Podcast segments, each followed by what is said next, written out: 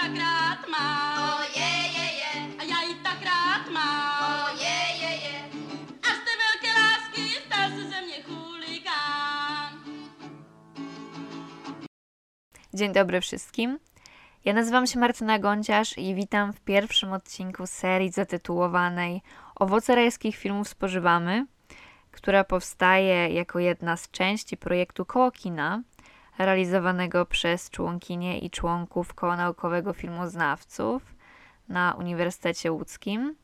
Zapraszam Was do wspólnej podróży po kinematografii czechosłowackiej podróży, która będzie motywowana moimi subiektywnymi wyborami, e, które rozważane i dyskutowane w perspektywie historyczno-filmowej pozwolą mi dotknąć zagadnień takich jak czechosłowacka nowa fala, a, a może czeska i słowacka nowa fala. Będę próbowała również zgłębić kino okresu normalizacji, e, a także pójść trochę głębiej i na przykład skupić się na kinie gatunkowym, czy całkowicie odejść od filmu żywego planu i przyjrzeć się trochę bliżej animacji czechosłowackiej. Tak na początek muszę Wam wyznać, że w momencie, kiedy nagrywam ten odcinek, to odczuwam taki pewien renesans na wszystko, co jest czeskie i słowackie. Jest jakiś taki throwback w internecie, na przykład jeżeli chodzi o memy. Znów widzę bardzo dużo memów z sąsiadów, z krecika, wszyscy ponownie rozczulają się nad kakaowym chlebiczkiem i nad tą muchą, która z niewiadomych powodów robi mydli mydli. Polacy śmieją się z Czechów, że ci nie mają dostępu do morza. E, To jest taki, taki żart, który chyba nigdy się nie przeterminuje. Ja na tej fali, którą być może wyłącznie ja zauważam, chciałabym opowiedzieć Wam o kinematografii czechosłowackiej, która ostatnimi czasy stała się moją bardzo wielką pasją. Czeski film.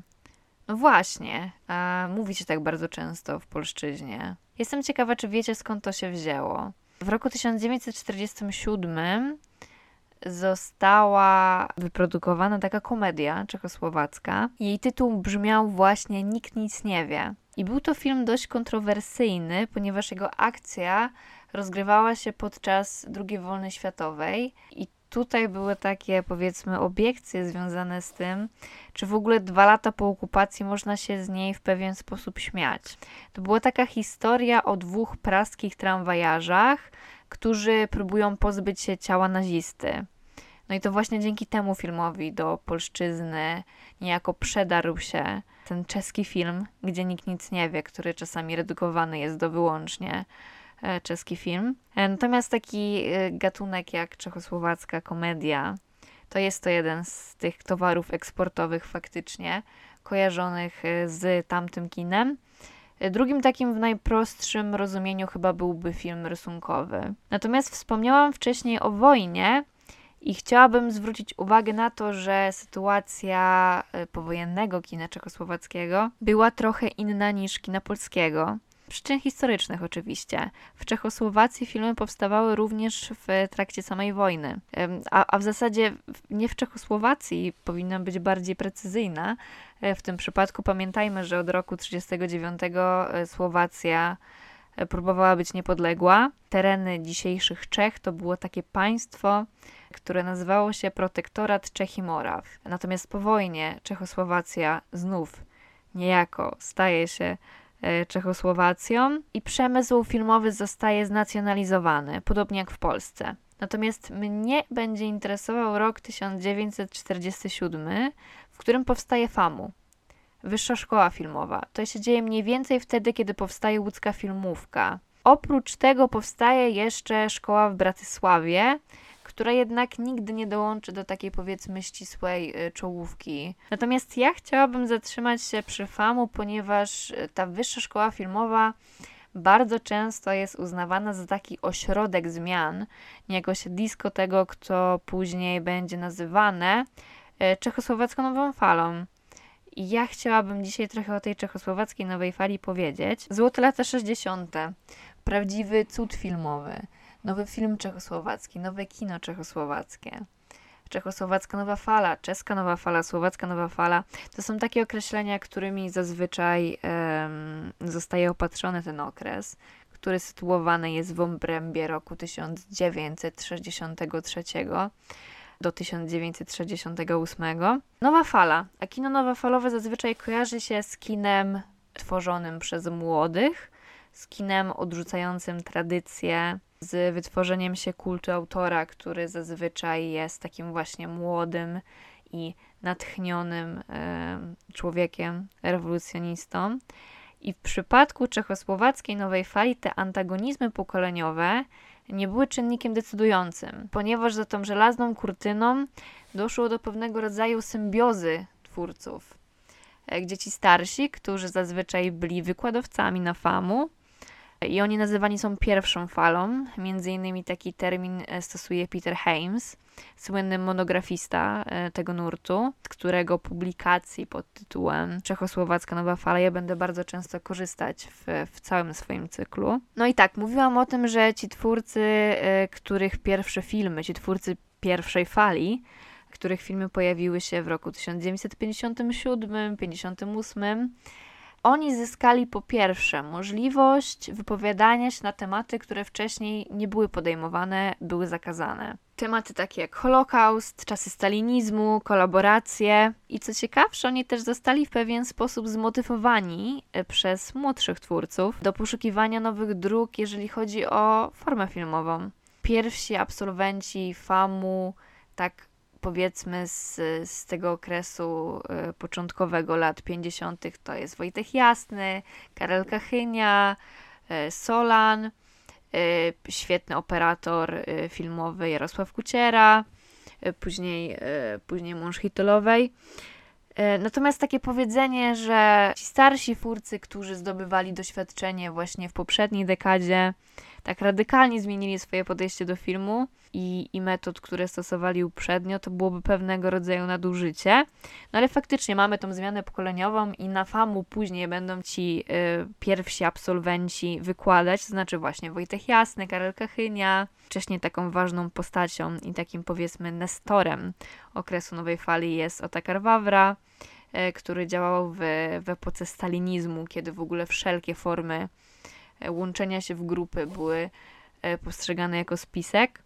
E, u niego właśnie kształciła się później Wiera Chytylowa. Wacław Ska uczył Nemca, Juraj Jakubisko kształcił się pod okiem Wacława Wassermana, tam też później wykładał Klos. Kadar współpracujący z Klosem na FAMu nie studiował, był w tamtym czasie powiedzmy trochę za stary i, i jego droga do filmu poprowadziła nie przez FAMu. No i co więcej, jak to jest dość oczywiste w e, przypadku szkoły filmowej, ale być może dość nieoczywiste w przypadku szkoły filmowej tamtych czasów, docierało tam bardzo dużo filmów z Europy. Inspirując, przecierając szlaki, a także FAMU dawało możliwość współpracy z czołowymi pisarzami tamtych czasów. I co też jest ciekawe, często się pisze o tym, że FAMU jest przeceniane, jeżeli chodzi o taką powiedzmy rolę kolebki i pewnego rodzaju miejsca, gdzie, gdzie te aktywności związane z nową falą będą się rodzić. I też sami twórcy zwracają uwagę na to, że może to famu samo w sobie nie było taką kolebką nowofalową. Na przykład Jan Nemec mówił, e, tutaj cytuję, że szkoła dała mu jedynie wiedzę i właściwy stosunek do społeczeństwa. A, a na przykład Juraj Jakubisko, Słowak, również studiujący na FAMU, zwrócił uwagę na to, że ten dostęp do filmów, jaki oferowała szkoła, i jednoczesne kameralne towarzystwo. Każdy film był taką rodzinną uroczystością. To, co motywuje tych twórców i to, co prowadzi do zmian, to jest liberalizacja życia politycznego i społecznego po roku 1956.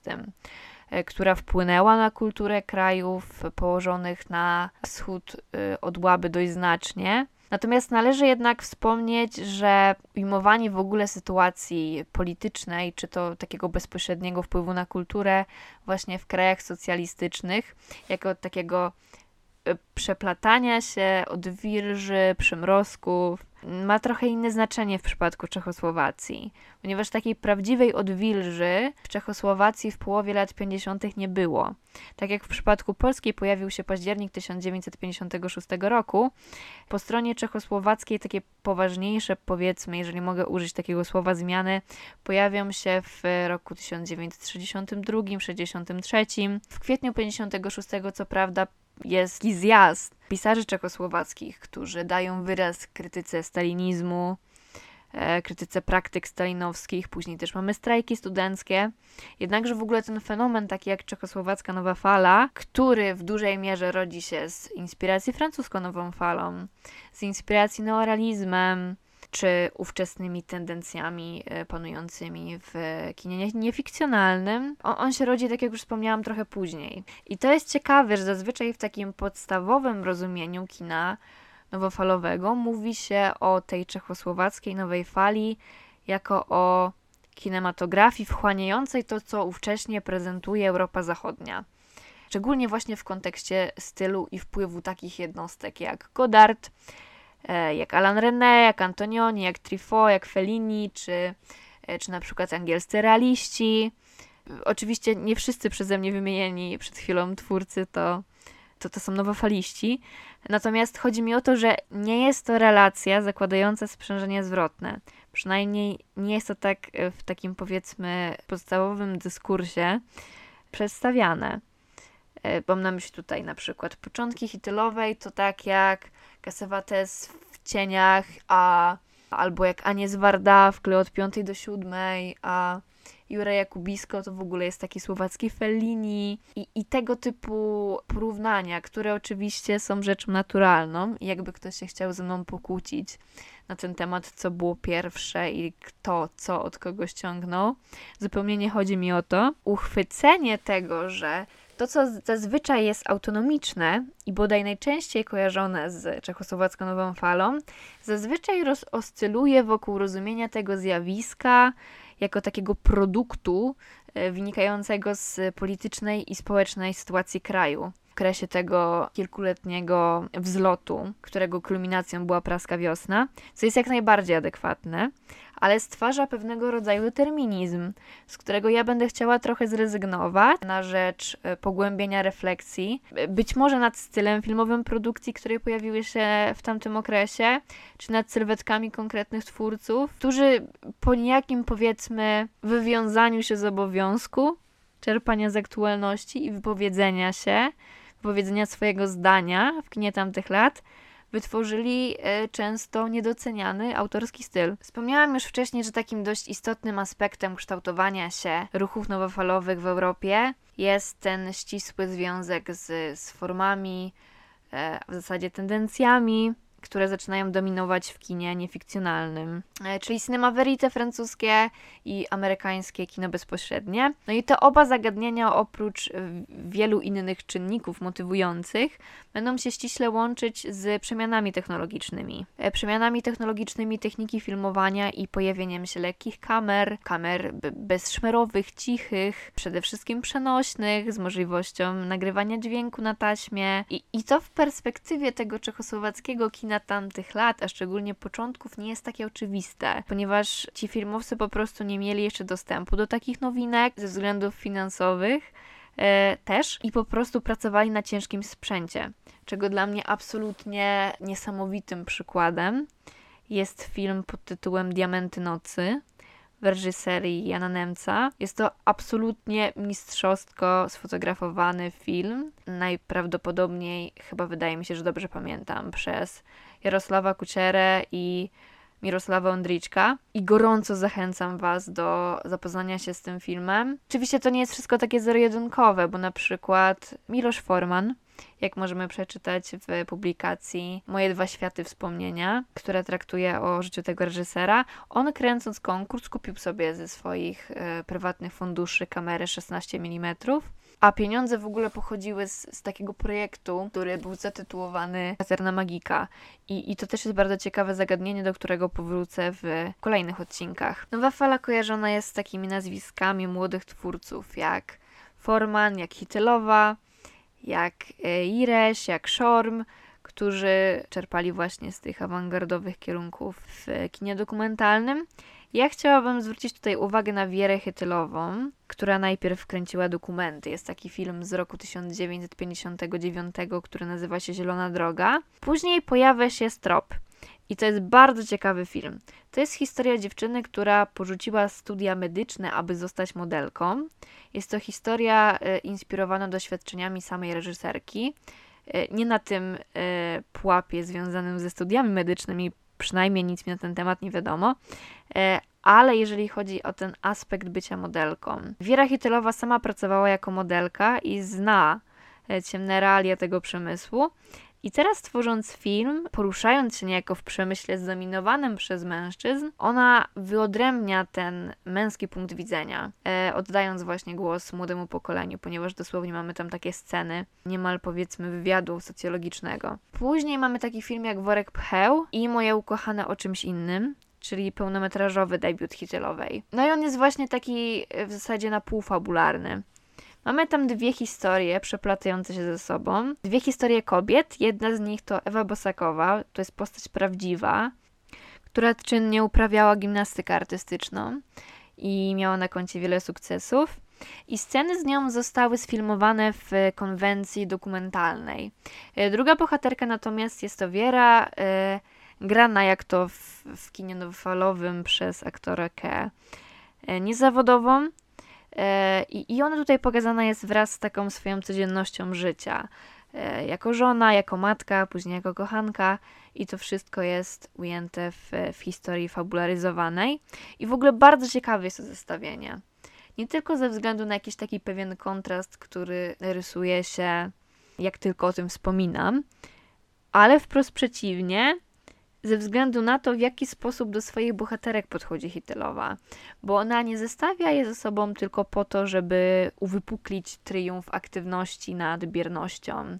Ja nie uważam na przykład, żeby ona te swoje kobiety, które portretuje, jakoś oceniała, mimo że, że momentami bardzo głęboko próbuje e, wtargnąć do, do ich psychiki. Ta kobiecocentryczna perspektywa, e, którą się definiuje u Hitlerowej, ona będzie nadal dominowała w późniejszej twórczości. Kobiece bohaterki będą jej bliskie, natomiast te jej późniejsze filmy to będą filmy kreacyjne, nierealistyczne, zdecydowanie e, takie powiedzmy awangardowe, często inspirowane wczesnym kinem i na przykład malarstwem, które rozwinęło się w Czechosłowacji w latach 60.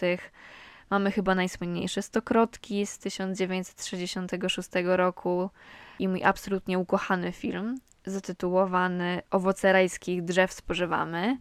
E, myślę, że, że tutaj mm, zwracając uwagę na nazwę podcastu, mogliście się spodziewać, że, że wie jakieś uczucie do tego filmu. To jest chyba najlepszy film Hitlerowej. E, kolejna taka subiektywna opinia tutaj się pojawi dziś. Jest jeszcze bardzo wielu twórców, tych takich najbardziej kojarzonych z, z nową falą. Jest oczywiście Miloš Forman, który debiutuje ze swoim konkursem E, nie wiem, czy wiecie, że on wcześniej w ogóle dał się poznać jako scenarzysta. Był taki film, e, który nawet był dystrybuowany w Polsce. Jego tytuł to były Podlotki. To był film, do którego Forman współtworzył scenariusz wraz z Iwo Nowakiem. I to było chyba dokładnie w roku 1957 albo w 1958. Kolejny mamy ten złoty strzał z, z Czarnym Piotrusiem który zdecydowanie zrywa z ideałem socjalistycznej młodzieży i wygrywa Grand Prix e, festiwalu w Locarno w roku w 1964, gdzie niesamowicie się spodobał na przykład Szabrolowi. Rok później powstaje znakomita miłość blondynki, ja bardzo chętnie przyjrzę się tym filmom Formana trochę bliżej. Natomiast w tym momencie aż rwie mi się język do tego, aby wspomnieć o prawdziwym diamencie, jaki powstał w okresie nowej fali, czyli intymnym oświetleniu Iwana Passera. Iwan Pasel niewiele zrealizował w kraju, zanim udał się po 1968 roku na zachód. Nakręcił taki film jak Nudne Popołudnie. Nakręcił taki krótki film na podstawie Hrabala, który miał stać się częścią Perełek na dnie, e, ale tak się finalnie nie stało e, i, i ten film samoistnie, powiedzmy, odrębnie od, od innych nowel e, wędrował sobie po festiwalach. Natomiast finalnie tworzy to wspaniałe, intymne oświetlenie, I to jest historia dwóch muzyków, którzy skończyli razem szkołę. Jeden z nich pozostał w Pradze, a drugi osiedlił się na prowincji i po latach spotykają się i rozmawiają, wspominając, ale też odnosząc się do rzeczy bieżących przy, przy trunkach. E, ten film jest kapitalny. Bardzo Wam go polecam w książce Jana Skwary, e, zatytułowany Nowy Film Czechosłowacki, który jest taką drugim, powiedzmy, źródłem, z którego ja bardzo lubię korzystać przy tym okresie. Znalazłam refleksję François Truffaut na temat tego filmu, który w którymś z czasopism pisał, że, że, że film Passera przypomina mu e, pewną refleksję Jacques'a Beckera, e, który marzył o tym, aby któregoś dnia udało mu się zrealizować film pozbawiony intrygi. Trifo pisze, że intymne oświetlenie jest urzeczywistnieniem takiego marzenia, że sukces Passera to jest triumf prostoty i skromności. E, postaram się dogłębnie omówić ten film w jednym z odcinków, Natomiast już teraz sygnalizuję, że bardzo warto go nadrobić, jeżeli go nie widzieliście. Tymczasem chciałabym trochę powiedzieć o tej części słowackiej, jeżeli chodzi o nową falę. 63 rok oprócz debiutów np. Hitylowej czy Formana to jest innymi czas, kiedy pojawia się na ekranach Słońce w sieci Słowaka Stefana Uchera. Słońce w sieci jest uważane za taki pełnoprawny zwiastun nowej fali, w zasadzie nie jako zwiastun, tylko film niejako pionierski. E, on jest całkiem bogaty w ogóle w wykorzystaniu filmowych środków stylistycznych. Mamy tutaj retrospekcję, mamy zabawę ze ścieżką dźwiękową, głosy Zofu, e, stop klatki, prześwietlone kadry. To wszystko jest ujęte w taką poszatkowaną, fragmentaryczną narrację, e, w takiej konwencji mocno paradokumentalnej. Ucher jest przecież dokumentalistą i tutaj to bardzo widać, w jaki sposób portretuje tych bratysławskich nastolatków oczywiście granych przez y, aktorów niezawodowych. E, to, co tutaj zostaje niejako porzucone, ale, ale, ale nie całkowicie, to są takie tendencje, na których będzie opierała się ta słowacka część nowej fali. Mianowicie silne zakorzenienie w folklorze, ukazywanie tradycji słowackich, takich motywów wywodzących się z y, tradycji słowackiego surrealizmu. E, mówię, że y, twórcy Słońca w sieci nie całkowicie to porzucają, chociaż jak ktoś widział y, ten film, to może teraz bardzo protestować w swojej głowie, ale ja uważam, że oprócz takiego lekkiego, swobodnego klimatu, e, bardzo nowofalowego przy e, akompaniamencie jazzu, to ten film praktycznie cały staje się symbolem, jakąś taką metaforą, łącznie właśnie z tym tytułowym słońcem. Natomiast całkowitą wodzę fantazji i przywiązanie do tych narodowych tradycji, o których wspomniałam wcześniej, Ucher pokaże w filmie 4 lata późniejszym, który w Polsce nosił tytuł e, Panna Czarodziejka. Jest to film z wojną w tle i co być może e, dla Was ciekawe, z główną rolą Jolanty Umeckiej, szerzej znanej z, z debiutu w Nożu w wodzie w reżyserii Romana Polańskiego. Bardzo Was zachęcam do zapoznania się z tym filmem i chyba powtórzę to podczas tej naszej dzisiejszej podróży nie raz. Natomiast ja Pannę Czarodziejkę widziałam na kinie na granicy e, w roku ubiegłym po raz pierwszy. I było to zdecydowanie intensywne przeżycie. Natomiast mimo takiej pewnej tajemniczości i absolutnie fenomenalnych zdjęć i scenografii, ten film wydawał mi się bardzo nierówny. E, I pamiętam, że mnie nieco zmęczył, osaczył trochę. Wtedy to była jedna z takich pierwszych produkcji słowackiej nowej fali, z jaką miałam do czynienia kiedykolwiek.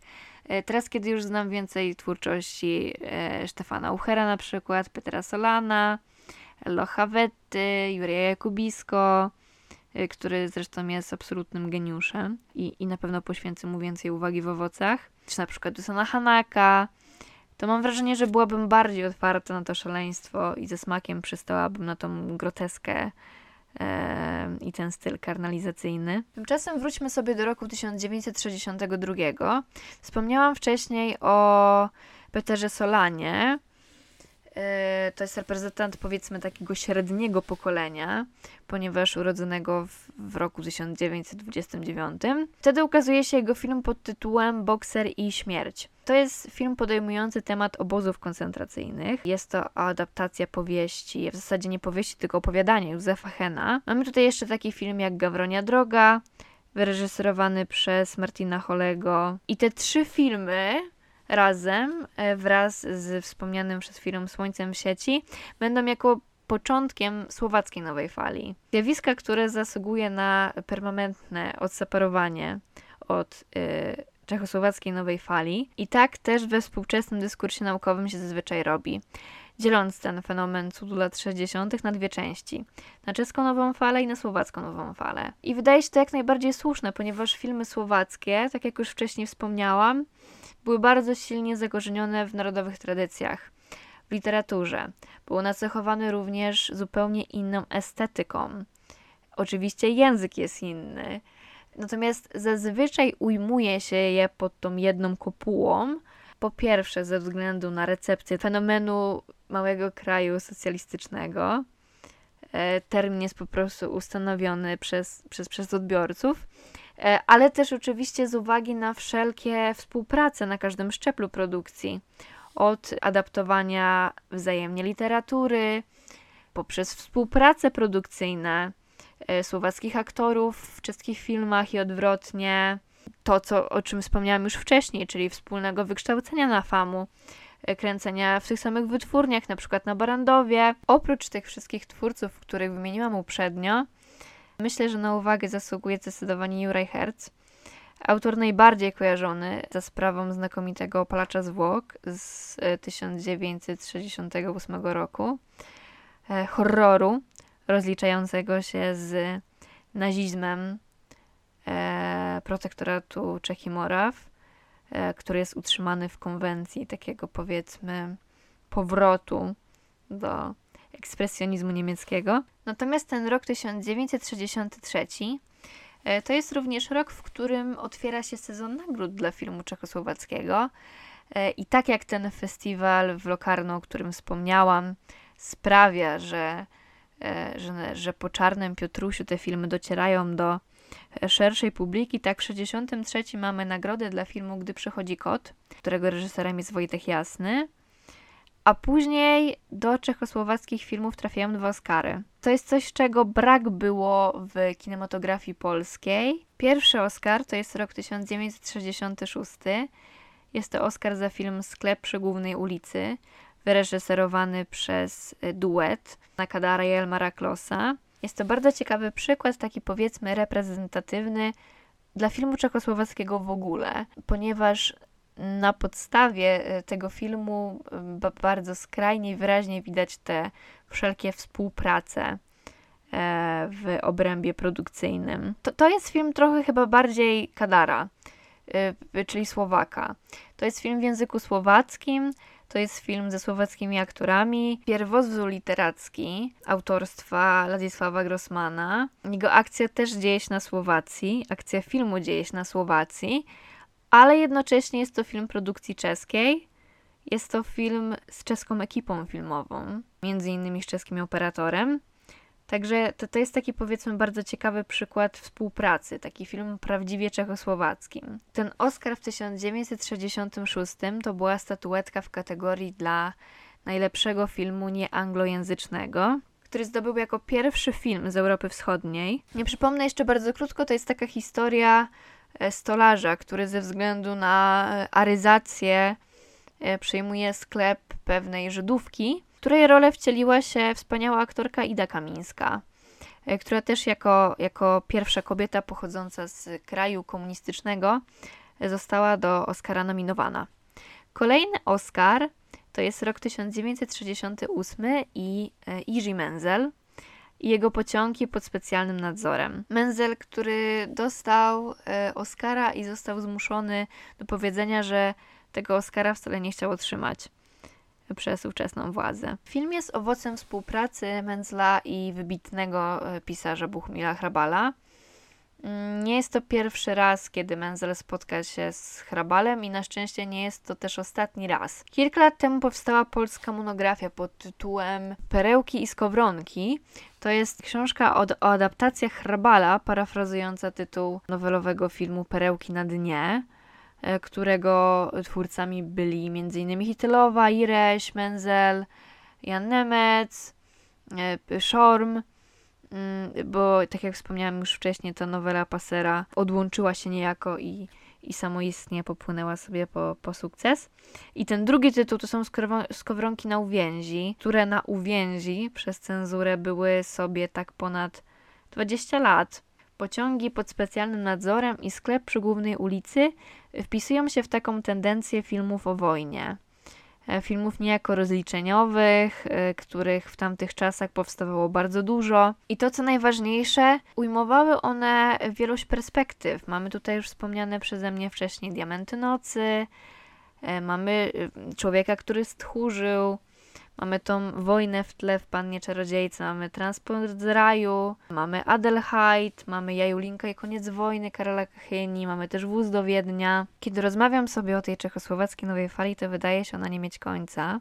I ilość zagadnień, ilość filmów, ilość twórców, jakie zdążyłam do tej pory przytoczyć, e, to jest naprawdę niewielka liczba. Natomiast finałem tego, powiedzmy, swobodnego okresu jest tłumienie praskiej wiosny. W sierpniu 1968 roku wojska Układu Warszawskiego najeżdżają na Pragę, między innymi też Polacy, i, i trzeba podpisać akt ponownej uległości wobec ZSRR. Jan Palach dokonuje samospalenia e, w ramach protestu. To jest takie wydarzenie, które zostanie upamiętnione w kulturze wielokrotnie, między innymi przez Agnieszkę Holland, która w, w 2013 roku zrealizuje taki miniserial dotyczący e, Palacha i pamięci o nim pod tytułem Gorejący krzew. E, Wydarzenia roku 1968 zostały zarejestrowane przez dokumentalistów, a taśmy, taśmy z nimi innymi wywieziono za granicę, e, na przykład do Wiednia przez Jana Nemca, dzięki czemu można było zobaczyć sowieckie czołgi na praskich ulicach. Jan Nemec z tych materiałów stworzy później taki dokument, który będzie się nazywał e, w polskim tytule chyba Oratorium dla Pragi. Szorm natomiast stworzy taki dokument też dotyczący wydarzeń tamtych lat, który będzie się nazywał Bałagan. Udokumentowano także strajki studenckie z jesieni 68 i, i pogrzeb Jana Palacha w 69 roku. Y, I po tym roku 68 bardzo dużo się zmienia. Zostają y, rozwiązane zespoły filmowe, czystki dotykają twórców filmowych, aktorów, operatorów, literatów, e, czy, czy krytyków filmowych, którzy w jakiś sposób związani byli z tym okresem cudu lat 60. Część przedstawicieli tak zwanej e, szkoły czeskiej, czechosłowackiej nowej fali wyemigrowała. Między innymi byli to Miloš Forman, Wojtek Jasny, Paser, y, z czego, z czego największą karierę udało się zrobić Formanowi. Natomiast ci, którzy, którzy pozostali w ojczyźnie, starali się mimo tych ograniczeń cenzuralnych e, kontynuować e, tradycję. E, Mam tutaj Stefana Uchera, Kachynię, Hitelową, której tak bardzo utrudniano pracę przy, przy filmie Grało Jabłko. Menzel również pozostaje w kraju. Niektóre filmy z lat 60. były zakazane. To znaczy, można było je oglądać nierzadko po raz pierwszy po roku 89. I, i do tych tytułów zali- zaliczamy innymi przywołane już przeze mnie wcześniej e, Skowronki na uwięzi Jerzego Menzla, e, czyli kolejna adaptacja e, Hrabala albo absolutnie genialne ucho Karola Kachyni, które startowało w konkursie głównym w Cannes w roku 1990 e, z taką produkcją innymi jak Przysłuchanie Ryszarda Bugajskiego, a finalnie ta Złota Palma powędrowała do Dzikości Serca Davida Lyncha. Ten okres normalizacji zamroził kulturę na, na niemal 20 lat. Natomiast to, co w tym czasie staje się czymś bardzo popularnym, to są te zdecydowanie komedie. Warto także zwrócić uwagę na Jana Schwankmajera, twórcy, który y, mimo, że nie wyrażał chęci jakiegoś ścisłego związku z y, twórcami nowej fali, to do dziś pozostaje rozpoznawany jako jedna z ikon y, czechosłowackiej kinematografii. Lata 70. i 80. e, to jest też okres, kiedy coraz bardziej uwypukla się odmienność filmu słowackiego. I wymienieni przeze mnie wcześniej twórcy, tacy jak Dusan Hanak, Juraj Kubisko, bardzo będą zaznaczać swoją autorskość. Po rozpadzie Czechosłowacji, czyli w roku 1993, pojawia się taka kolejna znacząca fala filmowców. I to ona jest przede wszystkim e, rozpoznawana współcześnie. Możemy tutaj wymienić nazwiska takie jak Petr Zelenka, Jan Szwerak, natomiast to zainteresowanie związane z czechosłowacką nową falą jest nadal bardzo żywe. Jej przedstawicielom poświęcono taki imponujący projekt autorstwa historyka filmu Jana Lukesia i reżysera Marcina Szulika pod tytułem Złote lata 60. To jest projekt, który co prawda rozpoczął się jakieś 20 lat temu, natomiast nadal czasem emitowany jest, jest w czeskiej telewizji i możecie do niego uzyskać dostęp aktualnie, o czym zaraz powiem. To jest taka koprodukcja publicznej telewizji e, czeskiej i e, Słowackiego Instytutu Filmowego. W ramach takiej współpracy powstał m.in. cykl portretów twórców aktywnych w tamtym okresie, które były emitowane przez czeską telewizję. Były także przeglądy festiwalowe. Pojedyncze filmy z tego cyklu były wyświetlane w ramach kina na granicy. Powstała też taka dość długa produkcja dokumentalna traktująca o historii kina czechosłowackiego w dwóch częściach i, i taki serial dokumentalny, sześcioodcinkowy z tego co pamiętam.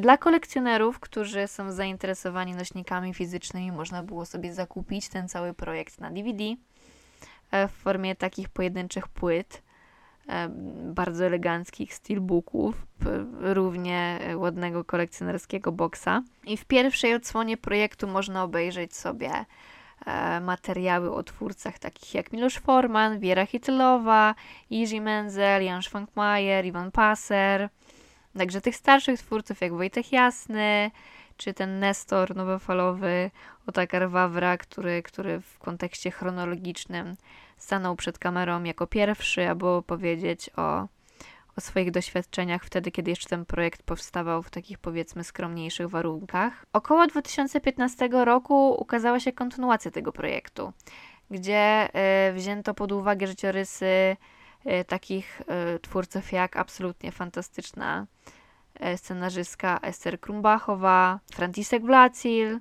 Ja jeszcze nie widziałam tej stosunkowo nowej wersji, widziałam tylko ten dokument o Ester Krumbachowej. Natomiast e, bardzo Wam go polecam w ogóle, bo to jest mega ciekawa postać. Pamiętam, że jakiś czas temu, szukając informacji na temat projektu Złote lata 60., w którymś z czeskich serwisów e, informacyjnych natrafiłam na taki nagłówek, którego treść brzmiała mniej więcej Forman, Hitylowa, Passer. Nazwiska, które reprezentują nas y, równie rzetelnie jak y, Piwo, Havel czy, czy, czy hokeiści. I to jest, i to jest strasznie zabawne i, i ciekawe jednocześnie zagadnienie, dlatego że ostatnimi czasy kino czechosłowackie, kino czeskie, kino słowackie stają się coraz bardziej dostępne w Polsce. E, w przypadku serwisów streamingowych mamy filmy takie jak Sklep przy głównej ulicy, Miłość blondynki, Pali się moja panno, które są dostępne na Netflixie. E, TVP VOD ma w swojej ofercie, e, ma w swojej ofercie żart na pewno, ma Walerię i Tydzień Cudów, ma Ikarię, taki serwis VOD.pl na pewno ma dostęp do stokrotek. Znajdziecie tam również serię szwejku, pociągi pod specjalnym nadzorem, lemoniadowego Joe i, i, i, i wiele, wiele innych ciekawych filmów. Bardzo Was zachęcam do próby zapoznania się z tymi filmami, jeżeli jeszcze ich nie widzieliście, ponieważ w wielu przypadkach dostęp do nich jest bezpłatny. W tym momencie zakończę moją dzisiejszą opowieść, która zdecydowanie stała się bardziej jakimś strumieniem świadomości niż E, uporządkowaną wypowiedzią z zakresu historii filmowej, ale chyba taki miałam cel, to znaczy otworzenie sobie wielu luk, które będę e, systematycznie uzupełniać. E, I mam nadzieję, że będziecie mi w tym towarzyszyć, słuchając kolejnych odcinków owoców, które będą odznaczały się zdecydowanie bardziej systematyczną narracją i skupieniem się na konkretnych aspektach czy zagadnieniach dotyczących kina. E, tymczasem żegnam się z Wami, a Wy koniecznie wpadnijcie na fanpage Koło Naukowego Filmoznawców e, i pod postem dotyczącym cyklu dajcie mi znać, co sądzicie. I jeżeli rozpoznajecie, z jakiego filmu pochodzi muzyka, którą się z Wami pożegnam, a która jest niejako zwiastunem jednego z najbliższych odcinków, to zostawcie mi tą informację pod postem. Do usłyszenia. Cześć.